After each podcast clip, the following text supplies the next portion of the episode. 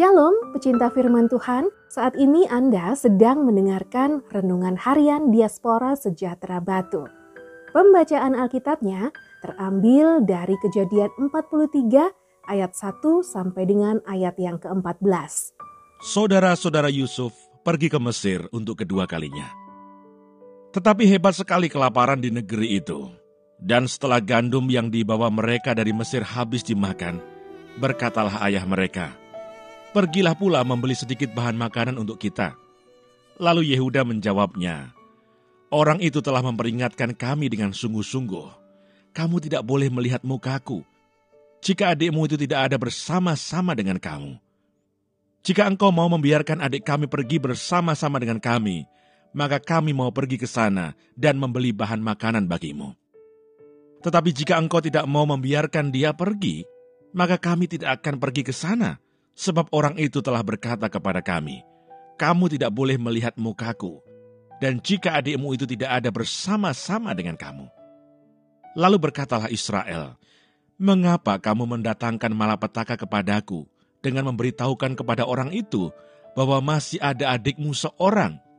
Jawab mereka, orang itu telah menanyai kami dengan seksama tentang kami sendiri dan tentang sanak saudara kita.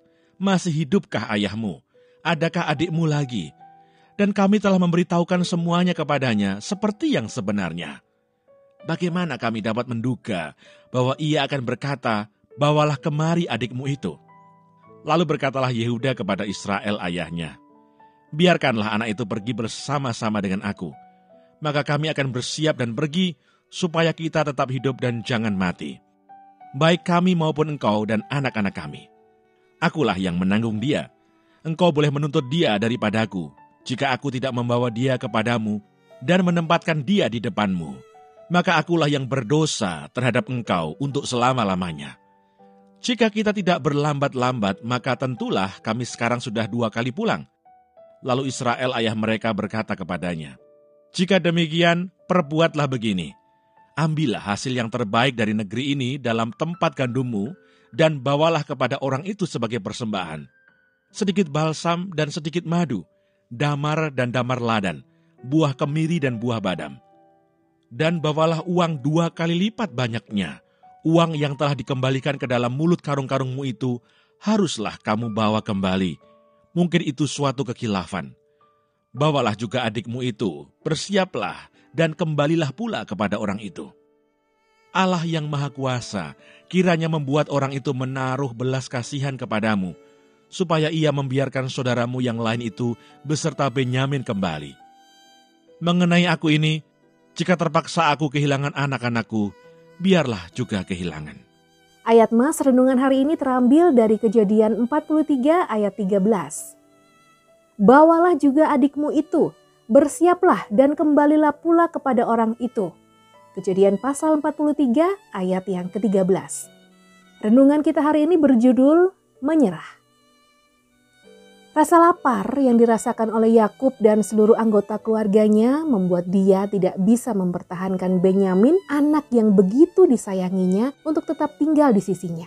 Akhirnya, Yakub merelakan Benyamin untuk dibawa ke Mesir oleh saudara-saudaranya, seperti yang diminta Yusuf.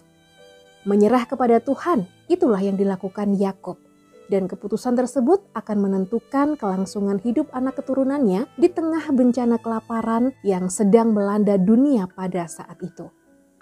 Menyerah berarti tidak kuat atau tidak sanggup lagi menghadapi suatu masalah.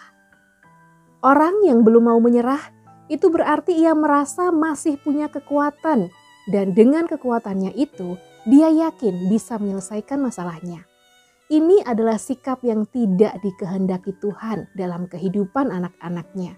Tetapi yang terjadi, anak-anak Tuhan justru sering kali mengandalkan kekuatannya sendiri ketika menghadapi masalah. Mereka merasa mampu untuk keluar dari persoalan dan sengaja tidak melibatkan Tuhan dalam hidupnya. Jadi, kata menyerah kepada Tuhan itu sesungguhnya merupakan sikap merendahkan hati dan jujur mengakui bahwa tanpa Tuhan, diri kita ini tidak memiliki kekuatan untuk bertahan dan menyelesaikan masalah yang sedang terjadi.